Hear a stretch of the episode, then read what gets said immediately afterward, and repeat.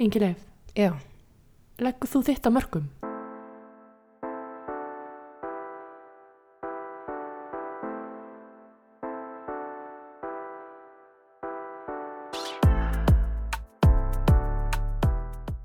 áður en þátturinn byrjar viljum við þakka bakhjörlum þáttarins, Cheeto Care og Playroom.is en Cheeto Care er íslenskt húðvöru fyrirtæki sem framleiðir og selur alveg einstaklega góðar húðvörur, bæði krem, skrúpa og maska og svo framvegis. Og við erum með afsláttakóða þar sem er yngileif 20 fyrir 20% afslátt af öllu inn á cheatocare.is mælum sannlega með því. Og svo er það playroom.is sem er barnaveru verslun þar sem að seld eru alveg einstaklega falleg og þroskandi leikföng sem hafa minnstakosti slegið rækilega í gegn á þessu heimilinu bæði kuppar og uh, falleg dýraleikföng og jafnvægis hjól, jafnvægis bretti og ég veit ekki hvað og hvað og þar eru við líka með afsláttakóða sem er raunveruleikin 15 fyrir 15% afslátt af öllu. Við þökkum bakkjörlum þáttarins kærlega fyrir en hér er þátturinn.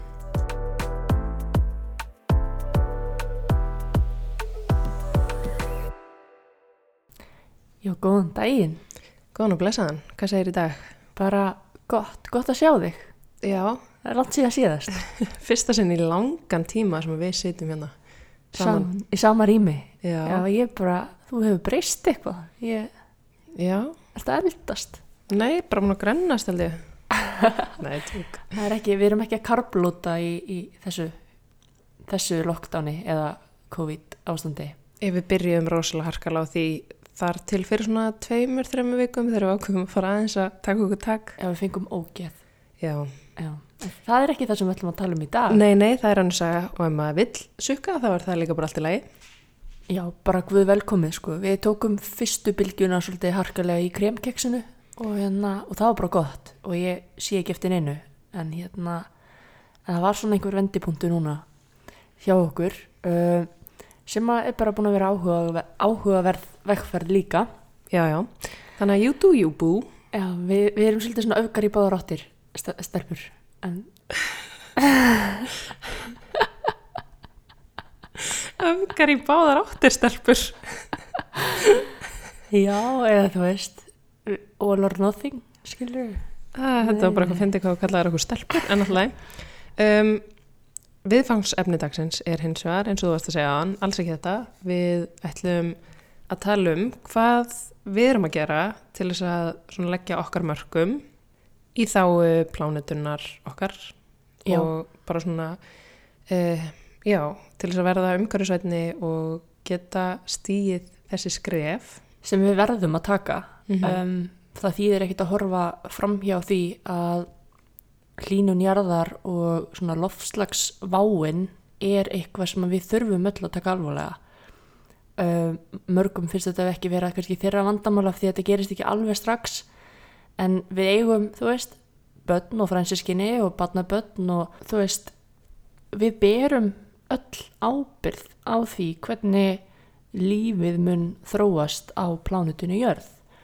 Og uh, okkar kynnslóð, kynnslóðin fyrir sko neðan okkur, við erum svona þarna einhverstað mitt á milli, ekki alveg yngsta kynnslóð en samt ekki komin við erum ekkert komnar hátu upp sko um, veist, við erum líka svegt út í kynnslóðina fyrir ofan okkur og hafa ekki hlustað á svona þau teikn sem voru á lofti fyrir einhverjum áratugum Mm -hmm. um það að það þyrfti að grípa inn í þróunina eh, ef við ætlum ekki að horfa fram á einhverja katastrófu Mhm. og þú veist, vistkerfi jarðar ég ætla ekki að fara í mikla líffræði en hún er ótrúlega viðkvæm, þetta er svona þú veist, eins og við sungið um í Lion King skilur, þetta er circle of life þú veist, og ef að einn hlekkur í vistkeðinu brotnar Mhm. þá hefur það áhrif á okkur öll og súrnun sjávar, hlínun jarðar, bráðnun jökla þetta hefur allt áhrif á bara það hvernig okkar daglega líf og hvernig okkar luxus hérna er Einmitt. og hvernig, hvernig okkar líf þróast þannig að þetta er sko, ég finn það alveg sjálf og fann það mjög stert áður en ég fór eitthvað að pæla mikið í þessum málaflokki. Að mér fannst bara svona auðveldar að hundseta þetta. Er svona hlutur sem er bara þægilega að hugsa ekki um mikið um af því að hann er eins og geimurinn fyrir þér, þetta er bara þetta er of stort, of flókið of erfitt, of mikið vesen. Mhm. að það er bara einfaldara að loka bara eironum einhvern veginn gagvart því og augunum og þú veist halda áfram að lifa lífinu sínu eins og maður vill. Já, bara ignorance is bliss. Já, af því þú veist, það er alveg vesen að breyta venjum, breyta hefðum, breyta því hvernig við höfum gert hlutin hinga til. Mm En ef við hugsum um það, kannski á senustu 5-10 árum, að þá hefur það að hugsa um umhverfsmál hætt að vera svona jaðarsett áhugamál forra yfir í að vera eitthvað sem við erum flest öll meðvituð um -hmm. hvort sem við yfkum síðan það sem þarf eða ekki og þú veist, ég skil svo vel varnarleysið, ég skil svo vel máttleysið sem fólk finnur. Mhm. þú veist, mun það virkilega skipta máli ef að ég flokka plast frá heimilisorpi, mun það virkilega skipta máli ef ég pæli í því hvað fer niður í niðurfalli hjá mér eða, og svo framvegis? Þú veist, að því að ef allir hugsa svona, ef allir eru á því að, að þeirra framlega skiptir litlu máli þá gerist ekki mikið Nei, og líka eins og staðin er núna, þar sem við vitum svona mikið og við erum komin einhvern veginn á þann stað sem við erum komin á, þá finnst mér að vera, sorry to say, bara orðin svolítil sjálfhverfa að ætla ekki að leggja sitt að mörgum, af því að þá er þetta orðið, þá er þetta að fara að snúast um bara, akkur það er ég að láta eitthvað mínu uh, einhvern veginn frá mér fyrir eitthvað sem að skipti ekki máli, af því að ég verð döið eða döður eða hvað það er. Þú veist, mér finnst þetta að vera orðið bara rosaleg sjálfhverfa. Mitt og hérna það er kannski bara óvinnsæl skoðun, ég veit ekki en uh, ef að við ætlum að horfa svona á hlutina, þú veist þetta er svo mikið entitlement mm -hmm. að þetta bara, maður getur sett þetta í samhengi við alls konar uh, viðhorf fólks gagvart hinnum ímsu hlutum, bara já þetta snerti mig ekki þá ætla ég ekki að pæla í þessu. Bara hvort sem maður eru réttindi með minni hluta hópa eða hvað það er, þú veist ef þetta á alltaf að vera viðhorfum hans þá líka bara, uh, þú veist þá, þá verður samfélagið uh, svo stútfullt af bara hérna þessari sem við höfum oft rætt áður, sundurleitu hópum sem að geta ekki tala sama tungumál. Um mitt og ef við ætlum ekki að vera tilbúin að leggja okkar mörgum og stíga okkur skref fyrir fjöldan að þá, þú veist, eh, já, að ég veit ekki hvernig ég orða þetta, mér finnst bara, mér finnst sjálfhverfa fólkin í því að vera ekki tilbúin að stíga eitt skref tilbaka og hugsa bara, ok, þetta snýst um svolítið stærra en bara mig og það að ég nenni ekki að flokka. Já, eða bara svona tímabundin þægindi mín akkurát núna Mm -hmm. uh, sem getur síðan þróast í það að börnin okkar og barnabörn munu bara ekkit hafa það neitt rosalega þægilegt sko. Emmett, og En- það þýðir ekki þessu saman að vera bara eitthvað, já, en ég meina ég ætla ekki að eignast bönn eða, já, en mér er alveg sama þú veist, ég verð, þú veist Ég ekki dáin. hér, ég verð dáin, eða bönnin mín verður öruglega dáin, þú veist, því að það sem við erum að sjá núna er bara svo rosalega hröð þróun að, veist, við vitum ekkert hvenar þetta byrjar að full force kickin, við vitum ekki hvenar plánetan verður bókstallega bara dauð Einmitt, svolítið svona eins og bara, þú veist, COVID, þú veist, við vissum ekkit að það væri að koma heimsfaraldur en við vorum mjög fljóta aðloga okkur að því af því að við fundum fyrir því að þetta væri lífshættulegt. mm -hmm. Það þarf svolítið kannski sama hugafar í loflasmálunum. Þú veist að, að ég er ekki að tala um að við eigum að lifa í einhverju lockdowni forever en bara svona að líta á þetta sem raunverulega ógn við tilveru okkar. Ekki bara einhverja einhverja hugmynd um eitthvað sem einhverjir eru að tala um. Veist, það er bara staðreind að hitastíði er að fara upp. Það er staðreind að, að sjórin er að súrna, jöklarnir er að bráðna. Veist, þetta er bara vísindarlega mælt. Þetta er ekkit, þetta er ekkit sem við getum deilt um. og bara yfirborð sjávar er að hækka Já. við vorum nú til dæmis bara í göngutúr í gær Mhm. hérna niður við sjó, Danesi og hérna mér var litið á okkur hús sem var með því litt flottu sjávar útsinni og ég sagði við þig bara, heyrði, vá, þetta er bara draumahúsið. Og það fyrsta sem þú sagði mig var bara, er það samt? Þetta hús væri örgulega eitt af þeim fyrstu til að fara þegar að hérna, yfirborð sjávar verður það hátt að það fer að flæða upp á land. Mm sem að er auðvitað rétt en maður, einhvern veginn, maður hugsar aldrei lengra heldur en einhvern veginn manns eigið umhverfi Nei, ég nær, meina ef að það var einhver frétt held ég fyrir hvað, tveimur, þreimur árum þar sem að var verið, kom svona spálíkan um hvaða svæða og höfuborgarsvæðinu færu brundu sjó mm -hmm. og það var eiginlega mitt, það var eiginlega nánast allt Seltjarnanesið og ægi síðan og svona að vesturbænum og þú veist, meðfram strandlengjunni, þú veist, þetta er bara svæði sem geti í, í alvörunni bara horfið og ég ætla ekki að vera með einhverja hræðsláður þetta er bara mm. eitthvað sem að, hérna, var fjallað um fyrir einhverju tveimur, þreimur árum, en svo gleymist þetta Mm. en ég ætla samt að vera björt sko og jákvæð líka af því að ég tek líka eftir því að alls konar stórfyrirtæki eh, af því að á endanum trúi ég því bara markaðurinn mun líka svolítið leysa þetta fyrir okkur neytundur þú veist af því að e, það var ekkert mikið frambóð áður fyrir af valkostum mm Mhm. skilur þú veist kaupa okkur hluti þú veist til þess að lifa, borða og allt þetta. Og maður hafði ekkert mikið val um þú veist hérna hluti nema þeir kostuðu bara útrúlega mikið. En núna sér maður risastór fyrirtæki, við erum að tala um svona risa og alþjóðlegu markaði. Þeir eru núna orðinni knúnir til þess að koma inn með umhverfisvætni e, vörur. Mm í bland við þær sem þau eru með fyrir veist, sem, það sem er minna plast og það er, þú veist, það er komnar, þú veist, vottanir og alls konar svona hlutir sem hjálpar okkur að velja rétt -hmm.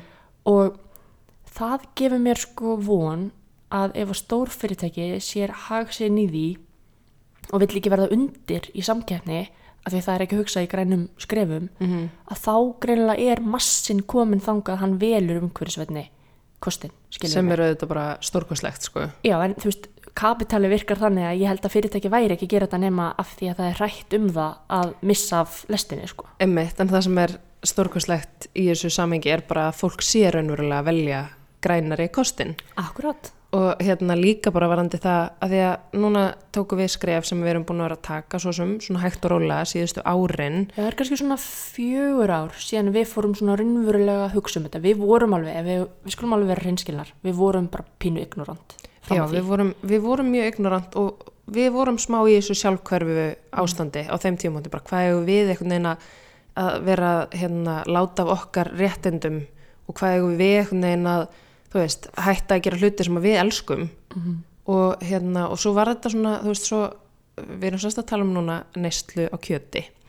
Og uh, við sem sagt ákveðum að taka þátt í veganúar, við höfum sagt frá svo held ég ekkert tíma náður í podcastinu fyrir örgulega fimm árum eða fjórum-fimm árum. Já, og það svona opnaði svolítið okkar augu fyrir því að það sem að við heldum, veist, þetta var svo mikið einhvern veginn, bara við eigum rétt á okkar kjöti og, og hérna, það er allt vond sem er ekki kjött mm og svo prófið að taka þátt í og þá bara svona, já, ok, vá, þú veist, hvað maður einhvern veginn, þá opnaðist bara svona nýr heimur, bara auðvitað getur maður borðað alveg mikið gott þó að maður borði ekki kjött, af því að það besta við matir yfirleitt sósan og meðleiti, sko, mitt. sem að er snild þegar maður borðar ekki kjöt, af því þá fær maður bara alltaf besta. Nei, nei, en þú veist, auðvitað finnst mörgum kjöt vera gott. En, já, en, já, það sem ég ætlaði að fara út í hérna var bara það að veist, þetta var svona hæg þróun hjá okkur sem að varða á endan til þess að við tókum út kjöt og eitt ég er ekki að segja, ég ætla ekki að lasta fólk sem borðar kjöt, ég er ekki að segja að þeir séu vonda manneskjur eða borðið kjöt, alls ekki en fyrir okkur var þetta eitt af þessum skrefum sem við tókum og við vorum mjög meðutar um að umhverfislega séð væri þetta í rauninni rétt skref. Þetta er eitt af því sem hægt er að gera já, til þess að minka losun og, og minka bara hérna vistspor okkar. Já, það var, við horfðum á myndina Cowspiracy fyrir, vákvæði sagði þetta Cowspiracy uh, fyrir, já, einhverjum árum síðan þegar við vorum í þessu hérna, hugleðingum fyrst og þá um þetta er svo mikið fjalla um sko, þessi umhverfis áhrif og það hvað við erum ótrúlega gjörna á bara að loka augunum gagvart þessu þannig að við fórum svona, já, í svona hægfara þróun uh, og núna bara fyrir já, bara næstu ári síðan Jólinni fyrra var eiginlega síðasta kjötneislan mín Já. allavega. þá lókuðum við bara alveg á og prófum bara, ok, við ætlum bara að prófa að taka kjöt alveg út Mhm. Og það hefur verið miklu, miklu, miklu minna mál heldur en ég held nokkuð tíman að það yrði. Og ég hef ekki saknað þess eina sekundu en það er líka eins og þú ert að tala um að þú veist markaðurinn tekur við sér. Það er svo mikið frambóð núna af vegan veist, valkostum og grammetisvalkostum sem er hægt að skipta kjöti út fyrir. Já, við getum eiginlega ekki búið það saman hvernig það er, þú veist, ég og frængu sem að, sko, þegar ég var fimm ára var hún orðin grammetisæta og getur ímyndaðir baróttuna sem hún hefur farið í gegnum sitt líf, sko, að, að þurfa bara að finna einhverja valkosti fyrir sig, þú veist, það var hnetusteik eða hnetusteik eða eitthvað. Einmitt, ég var um að hugsa um sol og grænum kosti Já. sem var bara brautriðandi og bjóð til bara, þú veist, mikið af þessum valkostum sem að hafa verið til í gegnum árin Einmitt og þú veist allt svona all, all, hérna, umræðum allar þessar bönir og kínóa og allt þetta dót þetta var bara ótrúlega framúrstöfnulegt fyrir mig sem krakki þegar ég sá solo og grænu kosti bara hérna í, var hún ekki alltaf í bítinu? Og maður var bara, vó, þessi kona borða bara grammiti það, það lítur að vera eitthvað, þú veist, hún er eitthvað skrítin sko. En- og þá var líka umræðan svolítið mikið bara svona ef þú borða bönir þá áttu bara eftir að vera með magakveisu alltaf og bara Einmitt. prumpa ótrúlega mikið. Og það var svo mikið alltaf svona uh, já, svona, einmitt, smá svona hræðslu áraður í Já. þessa átt bara hún er pínu klikku bara- þessi sko en líka bara, ég hef alveg fundið fyrir því þú veist bara, hvað er, þú veist, þarf ekki að fá næringu Mhm. þarf ekki að fá mat ég meina, þú þarf að fá prótein og þú þarf að passa upp á hérna játnið og eitthvað svona og þú veist, ég hef aldrei verið ferskari sko, þú veist, þannig að ég, ég held að þetta er sko, þetta er líka ákveðin áróður frá uh, fyrirtækjum sem hagnast á því að við séum ennþá að neyta, þú veist hérna kjötvöru og, og hérna og þess já, af því að þú veist, og- skoða, þegar maður skoðar innihaldslýsingar til dæmis á bönum eða á eða svona þessum vörum, þá er engin mikil, mikil munur á prótein innihaldi jafnvel stundum meiri Já, en, í, en í kjúklingi eða, eða öðru sko. ef þú berð saman til dæmis kjúkling og kjúklingabönir kjúklingabönirna komum betur út sko. mm en þú veist, eins og ég segi, þetta er líka bara maður þarf að vera meðvitaður um, veist, hver er að mata mann af hræðsluáraðri og svo er þetta líka svolítið mikill vani, þú veist, þú hugsar um um, þú hugsar um þessa hluti og tengir það saman við heilbreyði, þú veist, þú hugsar um gott prótein sama sem flottir vöðvar eða eitthvað, en svo horfðum við á þarna aðra heimildamind e, sem að heitir Game Changers. Game Changers, já, og þar einmitt var gerðið sem samanburðaransókn á uh, aflrauna fólki og bara afreiks íþróttafólki sem að slefti kjö, kjöti og íþróttafólki sem að borðaði kjöt. Og þar var bara mjög sláandi munur. Já, Og- þar var hérna einhver sterkasti maður bara í heiminum, hann er vegan, Mhm. bara ekki múin að borða kjöt í mörg ár og hann var einmitt að tala um bara að það hefði eld sig eh, til muna í bara getu sinni í íþróttinni að sleppa þessum vörum að því að það er svo mikið, veist, uh, það er svo mikið efnum í kjöti, til dæmis nautakjöti sem að líka minn þarf bara mjög mikla vinnu í að vinna úr, þú veist, og er ekki í rauninni náttúrulegt fyrir okkur að borða. Og líka bara uh, hvaða er, þú veist, til dæmis bara, nú er mér hugsað til bóen, mm. -hmm. uppáhaldsþáttarins okkar eh, sem við vorum að klára á dögunum, það sem að í einum þættinum er semst verið að tala um, um svínakjött í Danmörku og það hversu mikið af uh, svona síklarlefum hafi verið sprautað í svínin uh, til þess að forða því að svínin sé að fá vendarlega eitthvað síkingar og þú veist til þess að hérna, halda þeir, því kjöti fersku og síðan kemur það og við borðum það og þá eru við bara að innbyrða magn, þú veist, tvílitt mikið að magni af síklarlefum einmitt, úr dýrinu, skilur einmitt, og það talað um að manneskjan gæti þróa með sér síklarlefi og ónami út, út af þessu. En, en svona, þú veist, á endanum þá snýst þetta bara um það, þú veist að að maður tekur lítil skrif, ég meina ég skilgreini mig ekki neitt. Mhm. þú veist, ég nenni ekki að skilgreina mig að ég sé vegan eða ég sé græmitisæt eða ég borði fisk eða, eða eitthvað, veist, ég borða bara það sem mér langar til að borða og mér hefur bara ekkert langað til að borða kjöt í langa tíma. Mhm. og svona mesti munurinn sem ég finn er að ég hef ekki fengið illt í magan í eitt ár. Ummitt ég, bara, ég hef ángríns ekki verið afvelta og ekki verið svona alveg sprungin þú veist. E, það er tilfinning sem ég fekk oft áður en ég bara finn ekki þessa tilfinningu núna.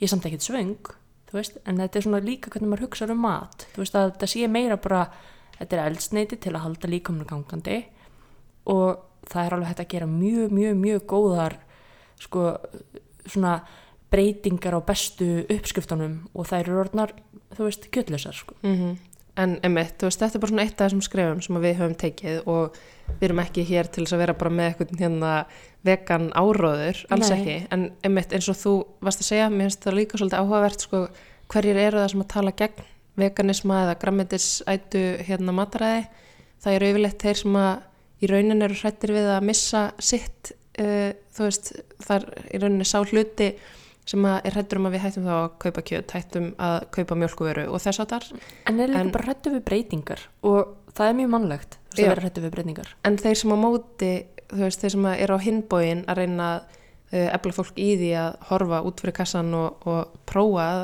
vera græmiðsætur eða vegan eða hvað það er að það er ekki fólk sem er að hagnast í rauninni á neinu. Að við til dæmis myndum ekkit hagnast á neinu ef að við varum að tala fyrir því að fólk þú veist, myndi prófa þennan valkost heldur eru við bara að hugsa þetta í miklu miklu stærra samengi mm bara þú veist, þetta er eitthvað sem við getum gert og er skrefi átt að þú veist, fyrir plánutun okkar. Einmitt, en einmitt, þetta er bara eitt af skrefunum og við höfum tekið svona ímis skref og reynd að leggja okkur mörgum og uh, það er líka auðvitað að flokka. Mm þú veist, það er auðvitað eitthvað sem að allir geta gert.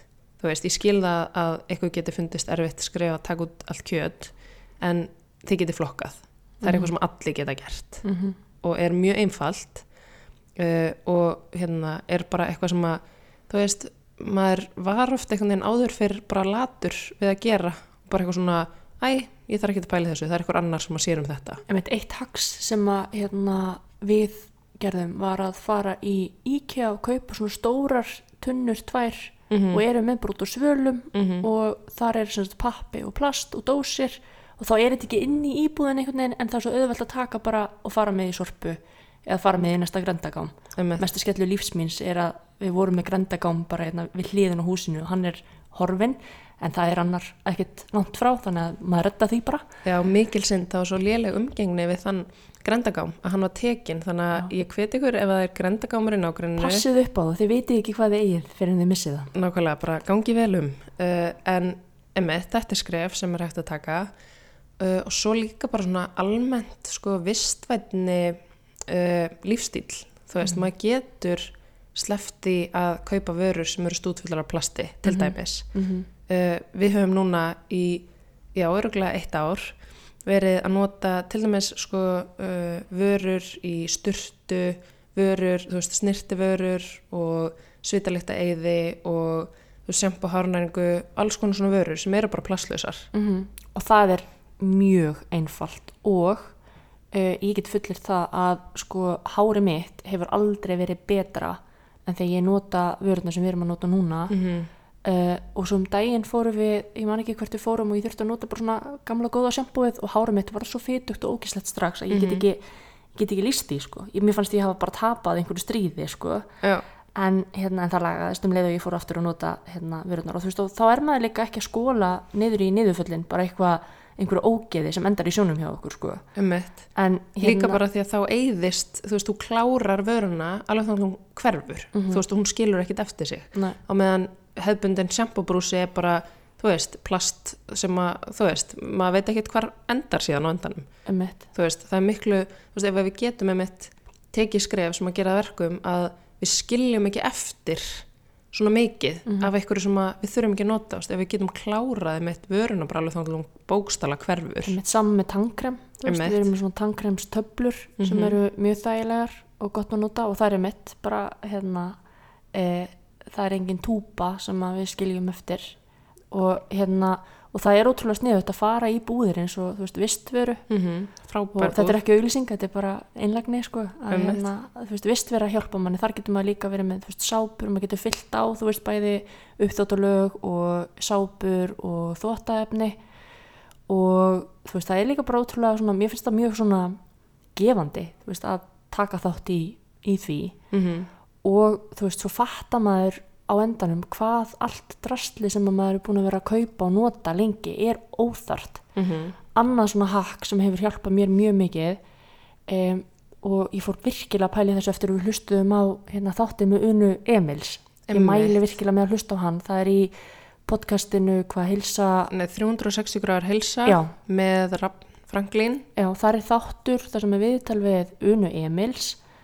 Ótrúlega upplýsandi þáttur þar sem hún er að tala um bara áhrif uh, plasts og svona utanakomandi efna á heilsun okkur, hún er sér læknir og það er hérna bara að koma fram rosalega rannsóknir um það hvað að þessi í raun og veru fylgni á milli þess að við erum að bara innbyrða plast allan daginn og aukaefni og eiturefni, við setjum eiturefni á húðun okkar og við setjum eiturefni í hárið okkar og, og svo framvegis, allt sem er svona rosalega góð lykt af og allt það uh, og það er fylgni á milli þess og bara sjúkdóma mm eins og krabbameins og annara svona lífstílstengdra sjúkdóma. Mhm.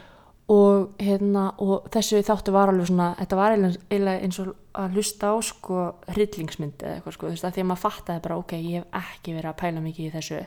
En hún gefur svo gott ráð þar sem er basically að þú veist það eru margir búin að hugsa þetta fyrir okkur. Og hérna þú veist eins og til dæmis svansvottun Mhm. þú veist, litla grænamerkið þú veist, ég horfa á vörur og ég vel vöruna sem er svansvottuð af því ég veit að það hefur kosta sitt að fara í gegnum það vottunarferli og ég veit að ég get trist í að þá er ég að velja uh, valkost sem er umhverfisvætni og með minni eituröfni fyrir mig og bönnun okkar Mhm. þú veist, bara eins og hlutir eins og með bleiur og blöyturkur og Þvottaefni. þvottaefni uh, þú veist, við notum eins og við notum ekki, við reynum að sneiða, sneiða hjá því að nota plastpela fyrir strákin okkar, hann hefur átt bæði uh, pela sem er úr gleri og líka pela úr svona riðfríu stáli, Mhm. þú veist það eru sem betur fyrir komnir valkostir Mhm. um, þannig að þú veist jú, þetta er svona hugafarstæmi en nei, þetta er ekki vesen Nei. Og við heldum raunverulega að þetta væri mikið vesen og lifðum alveg í, þú veist, svolítið tíma í þessu ignorance is bliss ástandi. En þegar við fórum raunverulega að prófa að gera þessu hluti, þá var þetta svo lítið mál. Og það er svo auðvelt að skipta út, þú veist, hinnum ymsu hlutum.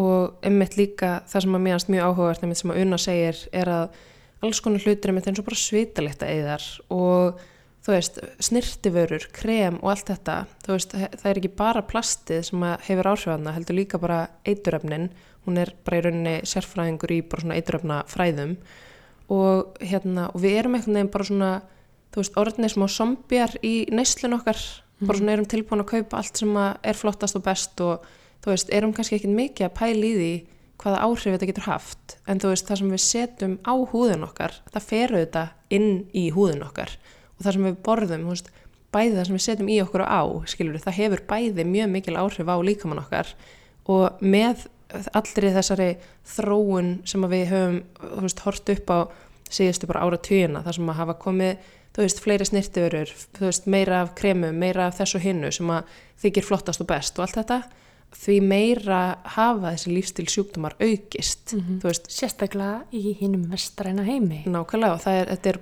sko mjög margi sjúkdómar einmitt bundnir við vestræn eða allan eru miklu miklu hærri tíðniðra í vestrænum ríkjum að því að hér er neyslan miklu meiri. Mm. og þú veist þetta snýst meiri að um það veist að við getum verið í nærfötum sem að geta verið að hafa áhrif á líkamann okkar.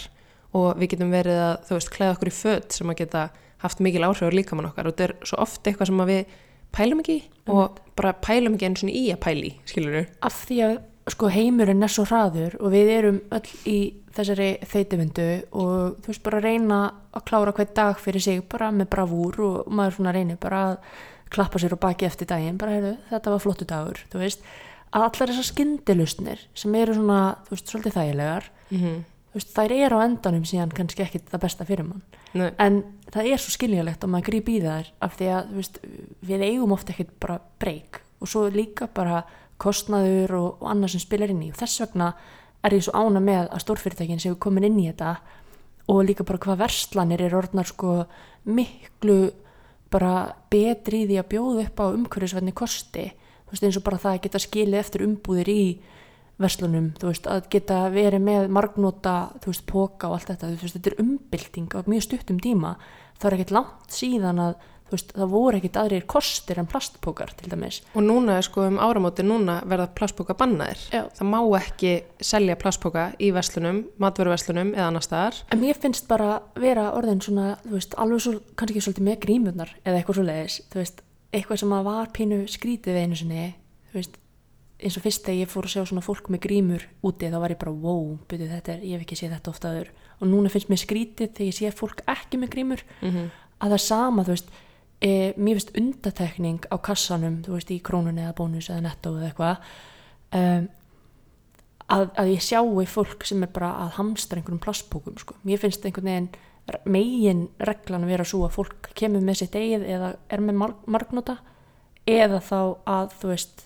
já, minnst að vera meginreglan einhvern veginn í kringum mig en auðvitað gleymum maður, ég menn, það er ekkert að því, ég menna, þú veist, ég hef alveg glemti og ég hef alveg keft plastbókar, skiluru en þú veist, þetta er ekki en þetta er bara spurning um að vera með bara svona, vera með þetta 80% undir kontról, eða 90% og það er einmitt sko þetta með að kaupa plastboka núna er það þannig að þú kaupir plastboka þú veist ef, að þú, ef þið vantar póka en frá og með áramótum þá máttu ekki kaupa Nei, að þú getur annarkvært keift á margnótapóka eða þú bara kemur með þinn eigin og það er bara, þetta er lagabreiting sem átti sér stað bara og tekur gildum áramótin sem að mér finnst frábært af því að þetta er svolítið að þvinga okkur í það að hugsa aðeins uh, umhverjusvætna og hugsa aðeins uh, um aðeins stærri skala heldur en bara okkar eigið raskat sko. En svo segja margir, ok, af hverju þarf þetta að lenda á okkur fólkinu? Veist, það eru stórfyrirtækin sem menga mest, það eru, þú veist, flugularnar, það eru skipin, það eru, hérna, þú veist, hérna, áliðnaðurinn og allt þetta.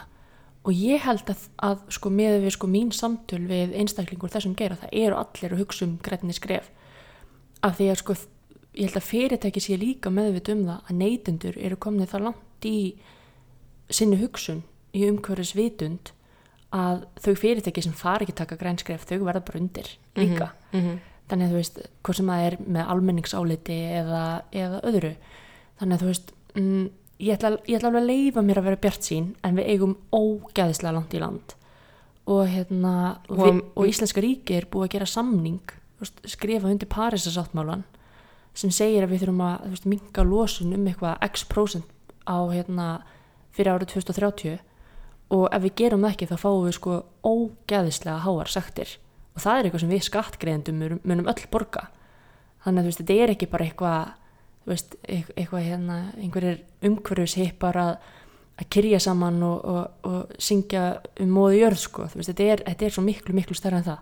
Já, og það sem ég ætla að segja er líka, þú veist, á meðan uh, þú veist, við getum ekki treyst kannski á öll stórfyrirtækin eða allan yðnaðin, þá getum við samt stýrt okkar hegðun. Mhm. og þú veist, það er, þú getur alveg hugsa bara, æ, akkur er þá neytandinn að gera það? En þú veist, þú, þú samt einhvern veginn, æ, mér finnst það líka þú veist, smá einhvern veginn uh, vera fría sundan ábyrð af því að neytandinn getur gert mjög mikið ef að við leggjumst öll á eitt og breytum öll okkar hegðun aðeins. Ég meina ef að neytundur hætt að kaupa vörur þá er fyrirtæki ekki lengur í, í hagnaði skilur, þú veist það er alveg hægt að þrýsta líka á þannig að velja umhverfisvenni vörur mm -hmm. og það er náttúrulega það sem maður hlýtur að hafa gerst af því að maður er að sjá um þessi bara risa fyrirtæki þú veist vera komin með allt í nú bara einhverja bambuslausnir og, og hérna og lífræna bómull og eitthvað svona sko, þú veist sem að þau hefðu ekkert gert nema af því að samkefnin er orðin þetta mikil Já, ég meina maður sér til dæmis hérna, þú veist, tambusta voru fullt af hérna, komnir mikið á svona með bambustambustum og svona umhverjusvænum tambustum og allt inn fara stórfyrirtækin sem hafa alltaf framleitt bara, veist, plast tambusta, mm -hmm. fara allt inn að koma með sömu lausnir í kjölfar eða því að þetta kemur frá öðrum fyrirtækjum. Þannig að hérna, og auðvitað þú veist, alls konar impökkunar ferlar sem að hafa farið breyst mikið núna. Og líka bara það sem ég fíla er að hérna, fylgta fyrirtækjum eru líka að selja umbúðalust Mhm. þú veist, bara eins og grammeti, íslensk grammeti sem er ræktað er þú veist, verið að selja núna umbúðalust En mitt og þar komur ótrúlega flottir bara svona græmmetismarkaðir og, og svona leiðir til þess að kaupa beint frá bíli og svona sem er algjör snild en þú veist við erum líka bara þú veist meðvituð um líka, þú veist, ég held að við viljum vita hvaðan vörurnar okkar eru að koma. Þú veist, þessum er græmmiti, þú veist, ég, elska ég hafi valkost um að kaupa íslensk græmmiti uh, og, og ég viti að það, það var ekki verið að sprauta einhverjum eituröfnum á það og svo framvegis. Mm -hmm. Það eru auðvitað gert, ég meina það er ástæði fyrir því að okkur eplin okkar haldast fersk ógæslega lengi og, og svo framvegist, þú veist, það er búið að sprauta einhverjum efnum, þú veist, og húðaðu þess að ég var skólagremmiti, skilur -hmm. um, en þú veist, það er, það er bara svo margt sem að maður er bara vanur og maður er bara alin upp við ákveðna hluti og ákveðin luxus og munaðin sem fylgdi því og þurfi ekki að hugsa um þetta. En kostnaðurinn er mikill og hann er bæði heilsufarslegur og hann er, þú veist, það er ytri kostnaður sem fylgir, þú veist, bara reyna á loftinu okkar og, og því að, að lifa á þessari jörð, sko, þannig að þú veist, þetta er ekki eins og ég segi, þú veist, þetta er ekki bara engamál sumra, þetta er eitthvað sem við öll getum tekið hérna til okkar og þú veist, við höfum bara gert þetta mjög náttúrulega og þetta hefur ekkert verið þetta hefur ekkert verið einhver umbylting á okkar lífi, þetta er bara spurning um að skipta út sjampabrúsanum fyrir hérna sjampakupp og sama hvað hérna öðrum getur fundist um það, þú veist eins og segir aðan hérna umhverfis hippin sem er eitthvað bara kyrjandi út í náttúru. Stundum fæ ég á tilfinninguna að sumir sem að einhvern veginn, uh, já, heyri af því að við séum bara, þú veist, borðum ekki kjöt og séum að reyna að leggja okkur mörgum haldi bara mitt að við séum að reykja gras eða ég veit ekki hvað það er, sko sem við erum ekki að gera, svo það sé tekið fram hvoru Nei. okkar hefur snert uh, uh, neins, neins konar um, ávana eða fikk nefni í gegnum tíðina. Nei, nei, ég, En- ég er of lífrætt fyrir það. Já, en bara það að þú veist, um, það er auðvitað auðveldari laust fyrir mjög marga að stimpla þá sem er að reyna að leggja sér þetta mörgum sem bara eitthvað svona, skrítið lið. Já þú ert bara eitthvað umhverfis geðsjúklingur, Mhm. en máli er að þú veist, ef að maður er raunverulega til í opna augun og horfa aðeins út fyrir sinn eigin kassa, líka bara það er svo mikið áhugaverðum heimildamyndum sem að maður getur séð, við erum búin að nefna núna tvær, við horfum líka mjög áhugaverða mynd á Rúf sem heitir ég held hún heiti bara The Plastic in Our Oceans eða eitthvað svo leiðis sem að fjallar um hvað plast í uh, hafinu er búið að bara sko skemma heilu sko stopnana af uh, lífverum og hérna og bara hvað er búið að hafa styrluð áhrif sem að er bara mjög sorglegt. Þannig að hérna, já, við getum öll opnað augun aðeins og lagt okkar mörgum uh, til þess að já, stuðla betri og grænni framtíð. algjörlega og það er undir okkur komið. Já, algjörlega og við þurfum ekkert að vera að taka bara stærstu skrefin öll í einu, þú veist við getum alveg byrjað á minni skrefum.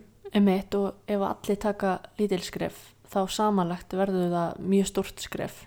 Já, þetta er starffræði 101 en, en svona allir ganni, ganni hérna sleftu þá uh, þú veist þessi þáttur heitir raunveruleikin og ef þetta er ekki raunveruleikin þá veit ég ekki hvað. Þú veist þetta er eitthvað sem við getum bara ekki flúið. Við getum ekki litið undan og sagt neina þetta skiptir mikið máli.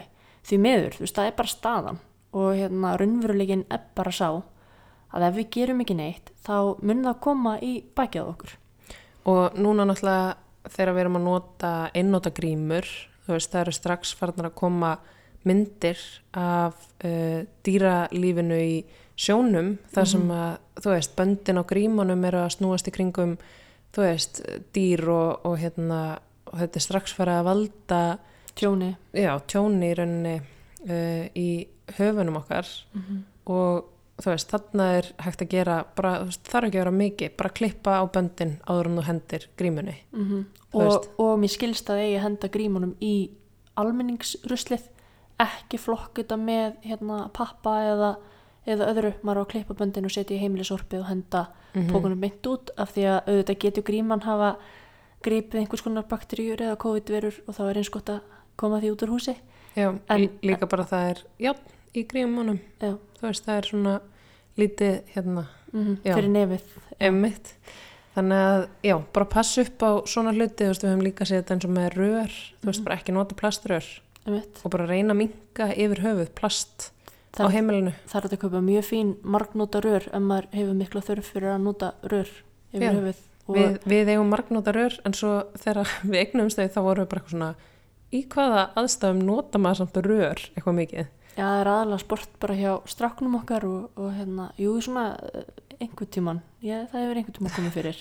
Það hefur kannski gerst tvisar. Já, En einmitt, bara svona, þú veist, nota, fjölnota, þú veist, uh, einmitt, hvort sem eru pókar eða bara umbúðir, þú veist, ef það ætlaði að búa til, ég veit ekki, graut og setja í ískáp og eiga morgun, bara nota glerkrukkur, nota, þú veist, það er svo margt sem að líka, þú veist, eins og við, ef við gefum stráknum okkar að borða úr get- þú veist, þá eigum við hana bara áfram og notum hana bara áfram, þú veist, maður þarf ekki alltaf að vera að henda öllu einhvern veginn og láta bara eins og allt sem að maður færin á heimilið sé einnóta, af því að það er það alls ekki. sama með, þú veist, fatnað til dæmis, uh, hvað er nöðsilegt og hvað er ekki nöðsilegt og þú veist, hversu mikið af fötum þarf maður raunverulega að eiga. Um, þú veist, ég held að sé ótrúlega oft sem að maður finnir fyrir svona einhverju gerfi þörf og ég er alveg mjög seg þar, mér er oft liðið sinustu dag eins og mér langi bara að fara og kaupa ógesla mikið á dóti af því að mér bara, þú veist, ég er bara svona yrðalus inn í mér í þessu ástandi og mér langar bara í einhverju útrás og mér langar að kaupa ógesla mikið á dóti en þá þarf maður að muna að þú veist hvað er nöðsynlegt og hvað er ekki nöðsynlegt og, og hérna og það er auðvitað talandi um markaðinn þú veist að núna er komin alveg ótrúlega margir valkostur um að kaupa notuð föt til dæmis Mhm. og þegar maður fer í gegnum þú veist þessa bása eða þú veist þessa þú veist þessu hérna barnaloppun og ekstraloppun og hvað sem þetta heitir allt saman að hérna að þá sér maður svo svart og hvítu bara hversu mikið magn af fötum er þarna úti sem eru ónotuð Mhm. og hérna og hversu frábært það er að við sem farin að hugsa í þú veist grænni skrefum þú veist og, og einmitt bara það að geta keft eins og barnaföt sem að maður notar alltaf jafna ekkit endilega lengi þú Mhm. veist, kaupa svona basic hluti eins og samfellur og, og fína buksur og eitthvað svona fyrir, þú veist, daggesluna eða leikskólan, þú veist, bara nota það á eitthvað slik, þú veist, það er snild, sko. Algjörlega og einmitt líka bara þetta að þú veist vera ekki henda heldur fötum sem að þú veist það er komið eitt lítið gata og þú veist það er líka bara hægt að þú veist hérna nota nála tvinna og, og redda því sko. Þú veist að því að uh, Ertu mikið í því? ég, ég fæ með til að gera það. En þú veist það er hægt að nýta það sem við eigum miklu miklu betur Einmitt. heldur en uh, mjög margir gera. Og hérna ég hef fundið það bara á síðustu árum að ég var ekki þannig áður. Þegar ég var í mentaskóla þá var ég rosa mikið bara þú veist að kaupa, kaupa, kaupa og þurfti að eiga allt einhvern veginn og bara var mjög upptikinn af þessari hérna neysluhyggju Um eitt. en svo einhvern veginn frelsaðist ég bara svolítið undan því Ég kendi þið nú alveg eitthvað, það er það ekki. Jú, þú spilar alveg uh, þína rullu í því sko Ég átti bara föt á ömmu minni og, og svona og, og hafði ekki keft með nýja flík bara í langa tíma þegar við kendumst, sko. -hmm. en það er líka bara svona þú veist, ég held að ég einhvern veginn bara svona átti allavega eitthvað svona moment þar sem að ég frelsaðist svolítið bara undan þessari neysluhyggju. Mm að því ég fann líka bara að þetta var ekki veist, það að eignast eitthvað nýjan hlut eða það að veist, eignast alltaf það nýjasta, fínasta og eitthvað svona. Veist, það er ekki það sem að gefur manni hamingju. Og ég held að þetta hafi tengst í bara þegar ég kem út úr skapnum þegar við byrjum saman og þegar einhvern veginn lífið mitt fyrir að make a sense þá einhvern veginn fekk ég þetta moment bara, já ok, þú veist þetta er hamingjan -hmm. uh, ég þarf ekki eitthvað utanakomandi til þess að eignast hamingju, skilur Þetta er svona skamgóðu vermir svolítið og Já. þú veist, auðvitað er gaman að eignast nýja hluti, þú veist, ég er ekkert að þú veist, gera lítið úr því en, en svona, þú veist þegar við ákveðum að kaupa okkur eitthvað þá gerum við það líka bara þú veist, af yfirlögu ráði og það er útrúlega gaman, mm Mhm. skilur þú veist, það er alveg svona, þegar við fyrir að versla föt það er alveg bara svona, wow byrju, ég trú ekki að hafa verið að gera þetta, nánast sko. Um en hérna eins og rauðið að þú veist perks of being a lesbian að við erum með two for one pakka sko við þurfum ekki mikið magna fötum að við deilum síðan á milli okkar sko. Þannig að hérna við erum í raun og veru með svona eitt fattaskap fyrir tvær. Mjög næs. En við lifum líka þú veist, þegar maður fyrir að skoða þá lifum við mjög minimaliskum lífstíl. Mm þú veist, við kaupum okkur bara ör sjaldan eitthvað sem er ekki bara matur og þú veist, svona nöðsynna vörur þú veist, eins og þú ert að tala um með föt, ég held að við höfum síðast vestlað okkur föt fyrir bara meir en ári síðan, skilur við og það er svona, þú veist, það er ekki oft sem að við einhvern veginn förum bara út til þess að eyða penningum veist, við, við svona nýtum það sem við eigum, þú veist ég er í ból núna sem er, þú veist gat á erminni, sem er kannski ég ætti nú kannski ekki að vera veist, í honum þannig, ég hefði nú kannski átt að fá mömmu til að sauma þennan. En þú veist, við svona notum það sem við eigum, erum ekki að fara neitt overbord í einhverju neysluhyggju. Nei, sem ég held líka að sé bara mjög jákvætt og, og mér finnst það innihaldsríkara þegar ég setja í samengi heldur en það sem að ég fekk út úr því að vera í eitthvað svona neysluhyggju hamstrahjóli sko.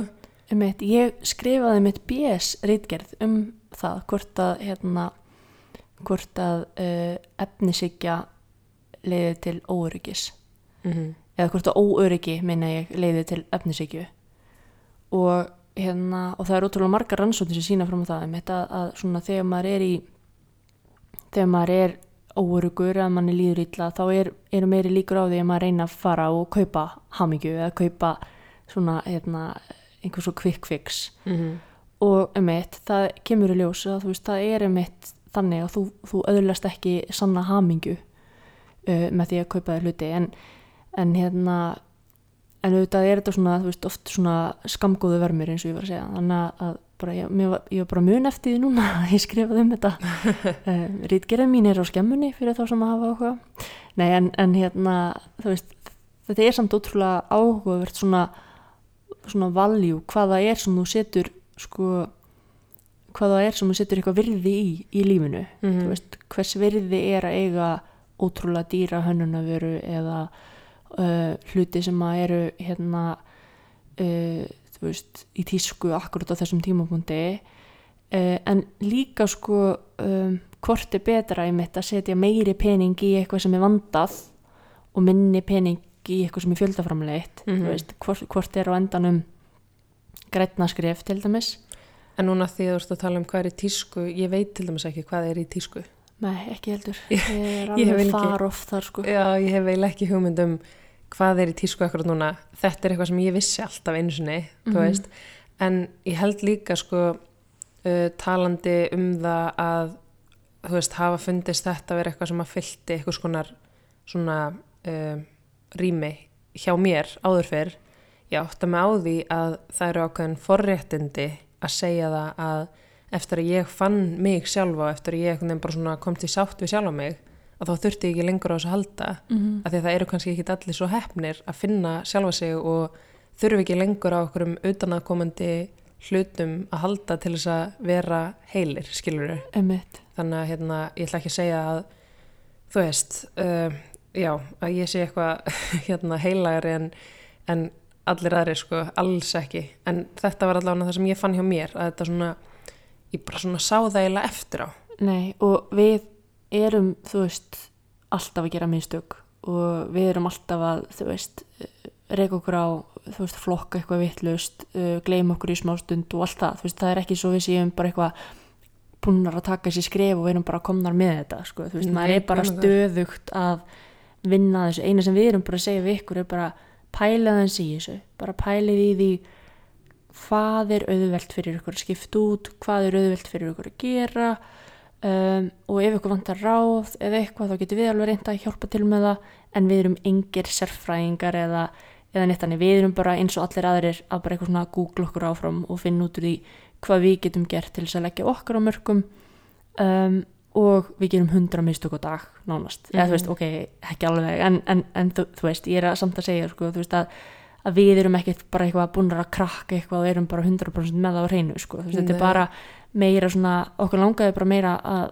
nota hana þátt að miðla til ykkar hvaða er sem við höfum gert og hversu auðvelt það hefur síðan verið á endanum Mhm. að gera það. Já, ég menn eins og þú ert að segja, þú veist, þá erum við langt frá því að vera bara eitthvað svona bestar í heimi í þessu og við erum bara ennþá að læra og þó svo að við séum að taka eitthvað dæmi um það, til dæmis við verslum ekki oft föt, þá, þú veist, eigðu við frekar í eitthvað annað sem að, þú veist, getur líka talist eitthvað neysluhyggja bara kaupum, látum glepjast fyrir öllum tilbúðum út í búð, út í matveruverslunum og, og hérna, þú veist, við erum alls ekkert heilar og við viljum heldur ekki að fólk hlusti á þetta og sé bara eitthvað svona guðmengóður, þær halda þær séu betri en allir aðrir og þú veist, eitthvað svoleiðis, alls ekki Langt því frá. Þetta, Þetta- er meira bara spurning um að vera meðvitaður og hérna gera sitt besta og og okkur langaði mitt bara kannski frekar að þú veist, skapa um, svona umræðu um þetta og svona vekja kannski upp pælingar hjá Mhm. ykkur að því að þú veist um, þetta er eitthvað sem að maður þarf alveg að hugsa út í, þetta er ekki eitthvað sem bara kemur til manns uh, náttúrulega oft skilur, ég menna við við þurftum alveg að vanda okkur að bara þú veist, temja okkur alls konar hluti. En það er bara þannig með bara hegðun, mannlega hegðun, að það tekur bara tíma að breyta venjum, breyta hefðinni. Og þú veist, ég held, ég heyrði einhvern tímann að vera svona þrjára vikur á meðatalið, eitthvað sem það tekur fyrir manneski að búa til nýja venju. Mm -hmm. og maður þarf bara svolítið að, að halda það út og þá lítur þú tilbaka og hugsa byttu, wow, ég trú ekki hafi einhvern tímann ekki gert þetta svona.